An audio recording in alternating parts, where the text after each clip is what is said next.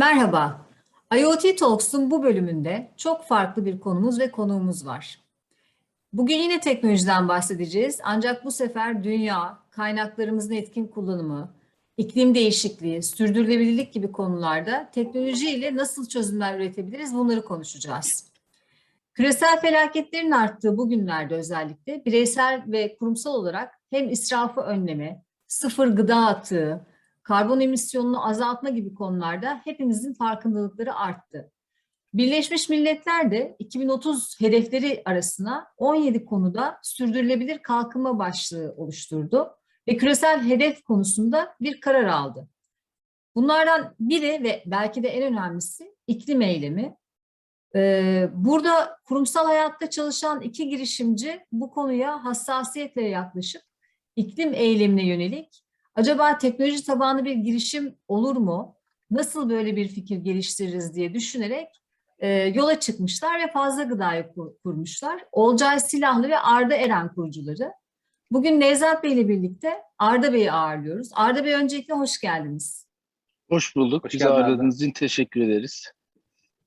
Biz teşekkür ederiz katıldığınız için. Nevzat Bey siz de hoş geldiniz tekrar. Ee, fazla gıdadan kısaca bahsetmek istiyorum ben. Çok kısa bir giriş yapmak isterim. Ee, daha sonra Arda Bey'den dinlemek istiyoruz. Çünkü hakikaten çok güzel de bir hikayeleri var. Ee, gıda geri kazanımı için ikinci satış, gıda bankalarına bağış, satılamayan stokların finansal, çevresel, daha fazla geri kazanımını nasıl amaçlarız, nasıl değerlendirebiliriz diye düşünerek bir teknoloji platformu ve ekosistem sunan bir sosyal girişim Fazla Gıda. Ee, bu noktada hakikaten hepimizin hassasiyetle yaklaştığı konulara çok güzel çözümler üretiyorlar. Arda Bey öncelikle size e, ilk soru olarak şöyle başlamak istiyorum. Ee, bize biraz Fazla Gıda'nın misyonundan, bu bahsettiğimiz konulara nasıl başladığınızdan, e, neleri hedefliyorsunuz? Bunlardan e, bir giriz, girizgah yapar mısınız? Bir de burada e, enteresan olan böyle bir sosyal sorumluluk konusunda teknoloji desteğiyle neler yapılabilir? Bunu nasıl öngördünüz? E, biraz bu konuları da açarsanız çok seviniriz. Süper.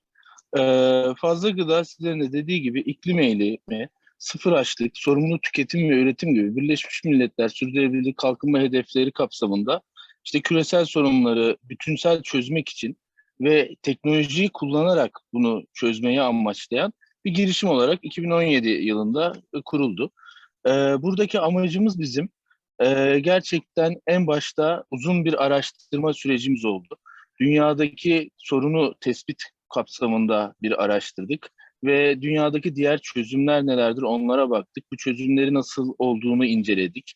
Ee, o çözümleri üreten kişilerle görüştük Ee, ve karşımıza gıda geri kazanım hiyerarşisi çıktı. Aslında gıda geri kazanım hiyerarşisi en e, yukarıdan ters bir piramit hayal edelim.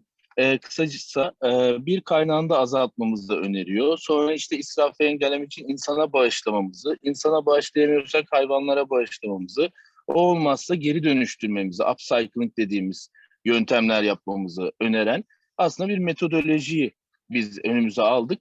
E, ve sonra döndük sektörü taramaya başladık. Sektörde ne gibi şeyler yapılıyor Türkiye coğrafyasında ve dünyada? E, ve orada ilk gördüğümüz şey şu oldu. E, gerçekten insanlar ve kurumlar e, atıklarının miktarını e, bilmedikleri için yönetemiyorlardı. Bu Peter Drucker'ın sözünü hatırlayalım. Ölçemediğimiz şeyi yönetemeyiz der. E, biz de aslında oradan yola çıkarak öncelikle ölçmek ve ölçebilmek için bazı ekosistemler oluşturmak ve bunları da teknolojiyle yaparak aslında ölçeklenebilirliği sağlayabilmek. Bir an önce bu hedef sizin de söylediğiniz gibi 2030 hedefleri aslında çok kısa bir süre e, iklim eylemiyle ilgili bir şeyler yapabilmek için bunu da en hızlı şekilde, en standartizasyonu yüksek şekilde yapabilmenin yöntemi de aslında dijitalize ederek bu sorunları e, teknolojiyi kullanarak bulut tabanlı yazılımlarla çok geniş coğrafyalara hızlı bir şekilde yayılmak olduğuna karar verdik. E, ve bu bağlamda aslında Türkiye'de özellikle ulusal ve çok uluslu firmalarla beraber çalışmaya başladık. Çünkü gıda atığının e, çok yüksek bir miktarda olan gıda atığının yüzde ellisi son kullanıcıdan çıkarken yüzde ellisi kurumlar tarafından çıkıyor. Üretim, dağıtım o kısımda çıkıyor. Biz dedik ki önce bu kurumsal kısma odaklanmamız gerekiyor ve Migros, Nestle, Metro, Pepsi, Danone gibi firmalarla beraber e, o demin bahsetmiş olduğum gıda geri kazanım hiyerarşisine uygun bir şekilde ki katmanlarda bunları en fazla finansal, sosyal ve çevresel fayda kazanarak önleyebilmelerini, e, bir şekilde geri kazanım sağlayabilmelerini sağlayan platformlar üretmeye başladı. Ve bu platformları ürettikten sonra aslında diğer paydaşlarla beraber sadece süreç yönetimi değil, bu süreç yönetimi yapıp gıda israfını engellerlerken e, bir yandan da veri biriktirip aslında ileride o verilerle ilgili daha akıllı öneri sistemleri, daha önden önleyebilecekleri kaynağında azaltma adımına yönelik analizler e, ve işte e, detaylı raporlamalar ve bunlara bağlı optimizasyon çalışmaları yapmayı hedeflediğimiz bir dört yıl geçirdik. E, ve bu dört yılda da toplam 18 bin ton e, gıda israfını engelledik biz ve paydaşlarımız bu sistemi kullanarak. E, şu anda da devam ediyoruz. Arda muhteşem bir başarı. Yani gerçekten e, fazla gıdayı zaten çok e, takdir ederek takip ediyorum. E, gerçekten 18 bin ton dediğimiz aslında kaç insanın belki bir yıllık öyle değil mi gıda ihtiyacına denk gelen bir şey. Evet. E, hani hepimiz artık böyle e, dünyanın da kaynakları sonsuz kullanılırken e, ne kadar çok israf olduğunu da görüyoruz. O yüzden çok anlamlı bir girişim. E, tekrar tebrik ediyorum sizlere. Çok teşekkür ederim Nevzat Bey. Ee, çok böyle hani e, böyle konsept olarak çok güzel bir konsept yolu çıkmışsınız. Ee, çok da herkesin kalbinden vurulacağı bir konu. Ee, hem bizler için hem çocuklarımızın geleceği için çok duyarlı bir e, alan bu. Ee, biraz hani şirketler tarafındaki bunun uygulaması, e, şirketleri hani genel konseptten bahsettiniz ama şirketlere nasıl çözümler sunuyorsunuz ve nasıl somutlaşıyor bu projeler? Biraz onlardan bahsetmeniz mümkün mü? Tabii isim vermeye e, uygun olursa olmaya da bilir ama Tabii. projeleri ben merak ettim açıkçası. Tabii ki de aslında fazla gıdayı şöyle düşünebilirsiniz. Ee, gıda firmaları, gıda üreticileri için veya distribütörler, otel, restoran, kafeterya herhangi bir şekilde gıda sektöründe olan firmalar için ellerinde kalan e, atıl ürün diyoruz biz onlara, satış değerini yitiren, kendi e, işte iç prosedürlerinden dolayı satamayacakları hale gelmiş. Fakat halen insan tüketimine uygun olabilir. Biraz burayı açayım e, çok kısaca. İşte SKT'si 6 aydan önceye düşmüştür. Fakat onun dağıtım ağınla beraber o 6 aydan önceye düşen dağıtamayacaktır artık. Kendi satış kanallarına satamıyordur. Ambalaj hasarı vardır ve benzeridir. Aslında bu tarz ürünleri e, farklı kanallar sunarak, farklı akışlar sunarak aslında satışını da sağlayabilirler. E, fazla gıdanın bu aşamada bir marketplace, bir pazar yeri var. Ve bu pazar yeri kurumsal B2B bir pazar yeri üzerinden aslında altı stoklarını satabiliyorlar. E, stok satılamadığı durumda ikinci katmana geçiyoruz. E, burada dediğim gibi finansal, çevresel ve sosyal geri kazanımı en yukarıdan en aşağıya doğru değerlendirmek bizim derdimiz. İnsana bağışlayabilirler. Bunun için de e, sivil toplum kuruluşlarının yapmış olduğu gıda bankacılığı dediğimiz bir sistem var. E, bunu da çok az açayım dinleyicilerimiz için. Aslında bu da derneklerimizin e, bir karamacı gütmeyen kurumların ihtiyaç sahiplerine israfı engelleyerek kurtardıkları gıdaları dağıttıkları aslında bir kazan kazan modeli e, kurdukları bir gıda bankacılığı sistemi. Amerika'da atılan bir terminoloji. İşte bunun yöntemleri var. Aşevi olabilir, bizim bildiğimiz yardım kolileri gibi dağıtabilir veya çok daha gelişmişi sosyal market kurabilir bu dernekler. Bunların raflarına bu ürünleri koyabilir ve insanlar puantaj da alabilir. O katmanda da fazla gıda platformu aslında bu ürünleri bu gıda bankalarıyla eşleştirmekte, ulaştırmakta ve sonrasında aslında bir regülasyon sürecinde yani bazı evraksal ve o işte gıdanın güvenliğinin korunduğu, dağıtımın yapıldığı, doğru insanlara ulaştığının takibi izlenebilirliğini sağlamakta. Ee, ve devamında da bir e-arşiv gibi düşünebilirsiniz. Buradaki evrakların ve işlemlerin e-arşivini sağlamakta olan bir modül. E, insanlar tüketemezse artık ne oluyor? Hayvan yemleri, büyükbaş hayvan üreticileri ham madde olabilir. Bazı gıdalarımız enerji seviyesi çok yüksek oluyor. E, veya geri dönüştürebilir. Biyogaz, biyoenerji üretebilir. Ee, ve o katmana iniyor. Ve fazla gıdanın yapmış olduğu şey burada çalıştığımız kurumlarla onların sanki atıl stoklarını yöneten yeni bir departman gibi konumlanıyor bizim ürünümüz. Ve atıl stoklarını izleyerek e, yapay zekamızla beraber bu verilerle, ihtiyaçlarla, o ürünlerin muhteviyatlarıyla ve o kurumun iç işleyişine göre e, bazı e, kurallarla beraber otonom bir şekilde öneriler sunuyor ve o önerilerden sonra demin anlattığım modülleri yönlendirerek bu ürünleri geri kazanımını sağlıyor. Buradaki en önemli faydamız aslında bu atıl stok yönetim işi kurumdan kuruma, coğrafyadan coğrafyaya ve hatta zamandan zamana bu geçen sene yaşadığımız ve hala devam eden korona sürecinde biliyorsunuz üretim, arz talep dengeleri hep değişti. Bu tarz dalgalanmalarda e, ortaya çıkabilecek anlık atıl stokların yönetimi ve benzeri gibi konularda çok hızlı bir şekilde, otonom bir şekilde e, öneriler sunabiliyor. Ve böylece aslında e, biz e, şöyle hayal edebilirim. Türkiye'nin en büyük parakende zinciri olan örneğin Migros'ta çalışmaya başladık. 1700 tane mağazası var. E, bu 1700 tane mağazasının karşılığında da işte yaklaşık Türkiye'de 100'e yakın gıda bankası var.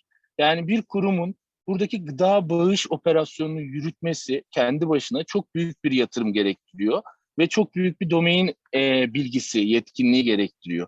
Fakat fazla gıda ile beraber böyle hızlı bir şekilde süreci kurguladıktan sonra bizim ürünlerimizi kullanarak neredeyse işte 2-3 hafta gibi çok hızlı bir sürede bağış operasyonunu başlatabiliyor ve Türkiye'nin 81 ilinde coğrafyasına yaklaşık 1700 mağazasında aslında bu çalışır hale geliyor. Ee, bu çok büyük bir güç e, kurumlar için.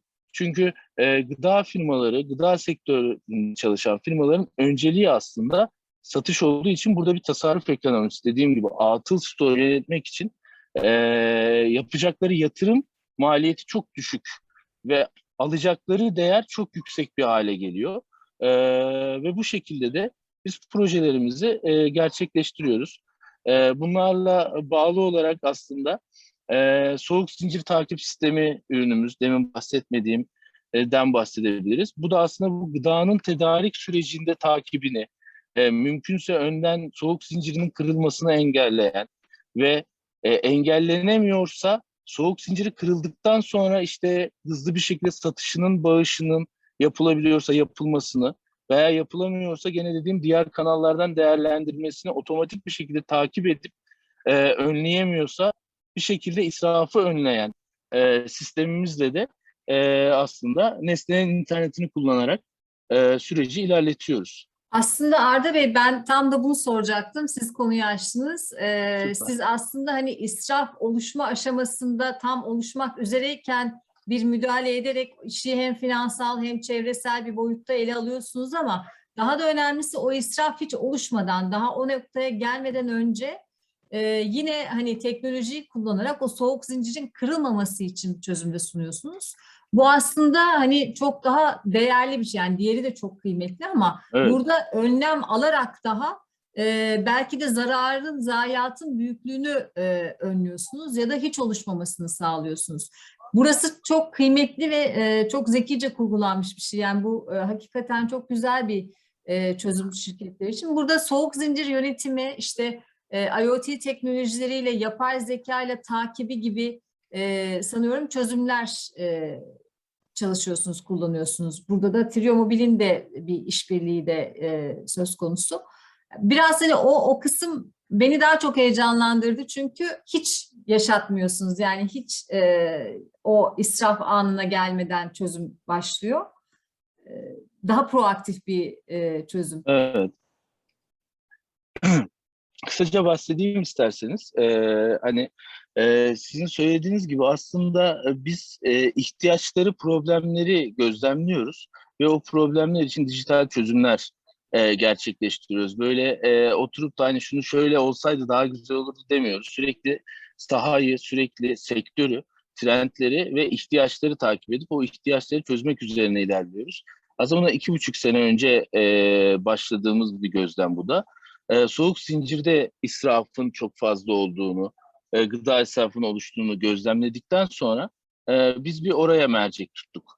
E, sektörü inceledik Ee, ve aslında bu diğer anlattığım gıda geri kazanımında sunduğumuz e, platformumuza daha da önleyici bir çözüm olarak kaynağında azaltına yönelik veriyi kullanarak ve bizim diğer modüllerimizi kullanarak e, ne yapabiliriz diye sorduğumuzda aslında bu verilerin takip edilmesinin e, doğru verinin, düzgün verinin e, iyi bir şekilde takip edilmesinin ve takip edildikten sonra da otonom bir şekilde bunun uyarılarının yapılmasının e, bir ihtiyaç olduğunu gördük.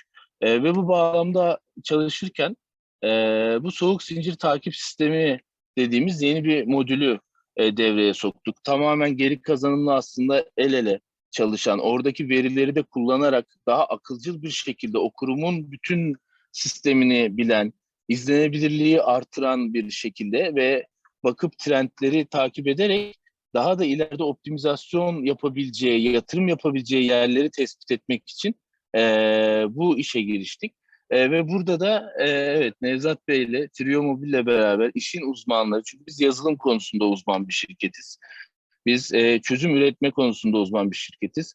Burada Nesne'nin interneti konusunda eee, bir araç, bir teknoloji kullanma ihtiyacımız olduğunda bu işin uzmanını bir kurumla beraber işbirliği yapma ihtiyacı içerisine e, hızlı bir şekilde girdik. Araştırmalarımız sonucunda zaten tanıdığımız e, Trio Mobil'le de iletişime geçtik.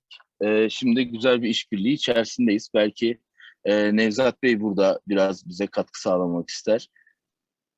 Ee, Ya ben bu konuyu çok önemsiyorum. Yani şu açıdan e, Tuğba'nın bahsetmiş olduğu gibi yani israf bir de bazı noktalarda da bozulmuş gıdayı da insanlar tüketmek zorunda kalabiliyor. Yani e, bunların çok ciddi sağlık aslında şeyleri de var, e, sonuçları da var. E, şir- şirketler açısından da arada bilmiyorum yani gözleminiz benzer mi ama bazı şirketler mesela kafayı kuma gömmeyi tercih edebiliyor. Yani işte böyle veri hiç ölçmeyeyim.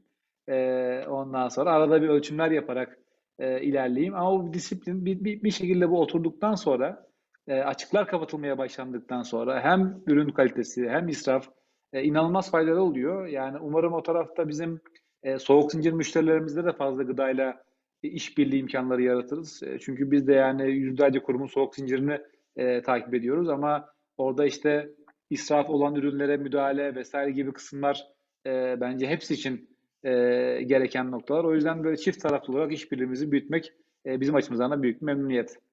Süper abi. Orada çok önemli bir şey söyledin. Bir orayı açmak istiyorum aslında. Çok değerli bir şey söyledin. Bazı kurumlar kafayı kuma e, sokup e, bu işleri şey. Aslında buradaki en büyük bizim fazla gıda olarak veya bu dijital teknolojik şirketler olarak fark etmez. Biz daha sosyal bir konuya girdiğimiz için, daha tasarruf ekonomisi üzerine çalıştığımız için tabii de daha da zorlanıyoruz ama buradaki konu şu. E, her kurumun bir önceliği var. E, ve öncelik içinde aslında finansal e, sürdürülebilirliği göz önünde bulunuyor. Yani e, kurumlar önce satışlarını artırmak, önce gelirlerini artırmak, e, atıklarını azaltmak, fazla gıdalarını azaltmak, işte yüzde bir, yüzde iki hedefler şimdi sürdürülebilikten dolayı konuyor. Bir farkındalık oluşuyor. İyi kaynaklarımızın azaldığı biliniyor. Fakat e, burada bizim işte e, bu tarz çözümler ol- ol- oluşturan şirketler olarak şunu bilmemiz lazım çok kolaylaştıran bu çözümleri, işte o yüzden otonom hale getiren, o yüzden nesne internet dediğimiz yani ölçme ve takip işini eğer kurumda zaten satış yapmak, o sevkiyatı yapmak veya o aracı kullanmak kişisine vermeye çalıştığımızda o kişi o işi atlayabiliyor. Ama biz bu işi nesnelere verdiğimizde işte o nesneler bizim için çalışıyor ve otomatik bir şekilde o ölçümleri yapıyor. Bunu da doğru bir şekilde fayda, maliyet e, o kurum için uygun bir şekilde yaptığımızda bu dönüşümü gerçekleştirebiliyoruz. Biz e, en çok burada e, gözlemliyoruz ve dediğim gibi ölçmek çok önemli. Bu ölçmeyi de biz e, ne zaman kurumlara bunu söylesek evet haklısınız biz de yapmak istiyoruz. İşte atığımızı azaltmak istiyoruz fakat ölçme işi çok zor bir iş. Çünkü sadece vakit ayırmak değil bir de doğru veriyi doğru şekilde alabilme işi var ya. Hani orada da bir eğitim insan var. Onu işte insandan çıkartabilmek, daha az maliyetli ve daha 7-24 365 gün standartize yapabilmek çok değerli. Ee, bu yüzden sektörün hani en büyük ihtiyacı bu otonom, bu dijital, prosedürel dönüşümü gerçekleştirmesi diye görüyorum ama çok zor olacak abi. Yani Hı hı. Ee, hep beraber çabalayacağız. Kesinlikle, kesinlikle. Ee, Arda Ee, Bey çok güzel, pardon Nevzat Bey bir sizin başka bir şeyiniz varsa. Lütfen devam edin siz. Benim de farklı bir sorum var ama siz tamamladıktan sonra söyleyeceğim. Yok ben e, soru sormayacağım. Buyurun siz lütfen. Tamamdır. Ee, Arda şimdi yeni bir yatırım turu tamamladınız. Artık e, tam böyle gaza basma dönemi. E, konuşmanın başında 18 bin tonluk bir atık e, şimdiye kadar engellendiğinden bahsettin. Hani burada bir hesap yaptığın zaman e, aşağı yukarı yani e, binlerce insanın bir yıllık gıda ihtiyacından bahsediyoruz. Bundan sonraki dönemde hedefler ne olacak? Yani yıllık kaç bin ton e, israf engelleyeceksiniz? Operasyon Türkiye dışında farklı yerlerde de büyüyecek mi? Nasıl bir gelecek projeksiyonunuz var? Ee, teşekkürler abi öncelikle. Ee, evet güzel bir yatırım turunu tamamladık ve e, ihtiyacımız olan kaynağı aldık. Hedeflerimiz çok büyük e, ve heyecanımız hala ilk günkü gibi. Motivasyonumuz çok yüksek. Bugüne kadar ne yaptıysak yaptığımız her şey bize çok daha fazlasını yapabileceğimizi, çok daha hızlı, çok daha iyi bir şekilde yapabileceğimizi e, gösterdi. E, bugüne kadar kurtardığımız gıdayı, işte e, engellediğimiz e, miktarı eksponansiyel bir şekilde öncelikle Türkiye'de büyütme amacımız var. Yani Türkiye'de bu işi sürdürülebilir bir şekilde yaptığımız yerlerde aynı kalite, aynı standart ve daha otonom bir şekilde, daha az maliyetle yapmayı devam ettirirken daha fazla coğrafi olarak, daha fazla coverage olarak yani atık azaltma hedefi %50 olan kurumların sayısını artırmak ve bu hedefleri tutturmak üzerine bir planımız var. Ee, bu konuda zaten e, çok planlı bir şekilde gidiyor olacağız. Ee, ve bunun yanında aslında bizim en büyük heyecanımız artık yurt dışına çıkarak burada geliştirdiğimiz, Türkiye'de öğrendiğimiz ve oluşturduğumuz teknolojilerimizi, ürünlerimizi e, öncelikle Avrupa e, bizim e, hedefimizde. Rusya ile görüşüyoruz. İşte uzak doğuya bakıyoruz. Birçok böyle coğrafyayla görüşmelerimiz devam ediyor ve fakat hızlı bir şekilde bu dönemde bunları canlıya alıp e, buradaki öğrenimi ve teknolojiyi orada büyütmek istiyoruz. Avrupa'ya açılmak istiyoruz. E, çünkü e, artık o olgunluğa eriştik e, ve hala orada bizim gibi bu işi 360 derece bütünsel bir şekilde pardon e, yöneten e, teknoloji çözümleri olmadığı için oradaki israf boyutu da çok fazla. E, bir an önce ona ulaşmayı hedefliyoruz. Harika. Arda Bey çok e, güzel bir sohbet oldu. Bizim için de çok ufuk açıcı ve e, umut dolu bir e, konuydu. Çok teşekkür ediyoruz katılımınız için, paylaşımlarınız için. E, umarız fazla gıdayı böyle global mecrada da bu e, duyarlı konuyla ilgili e, birçok alanda görürüz. Çok teşekkür ediyoruz katılımınız için, zamanınız için. Biz çok memnun olduk. Bizler çok teşekkür ederiz. Ee, böyle güzel bir e, konuşmaya dahil olduğunuz için. Ee, bu konuda bilgi verip daha fazla insanın farkındalığını ve çözüm üretmesine belki fayda sağladığımız için. E, bizim için bunlar çok değerli. O yüzden e, böyle bir imkan sağladığınız için çok teşekkür ederiz. Görüşmek üzere, hoşça kalın.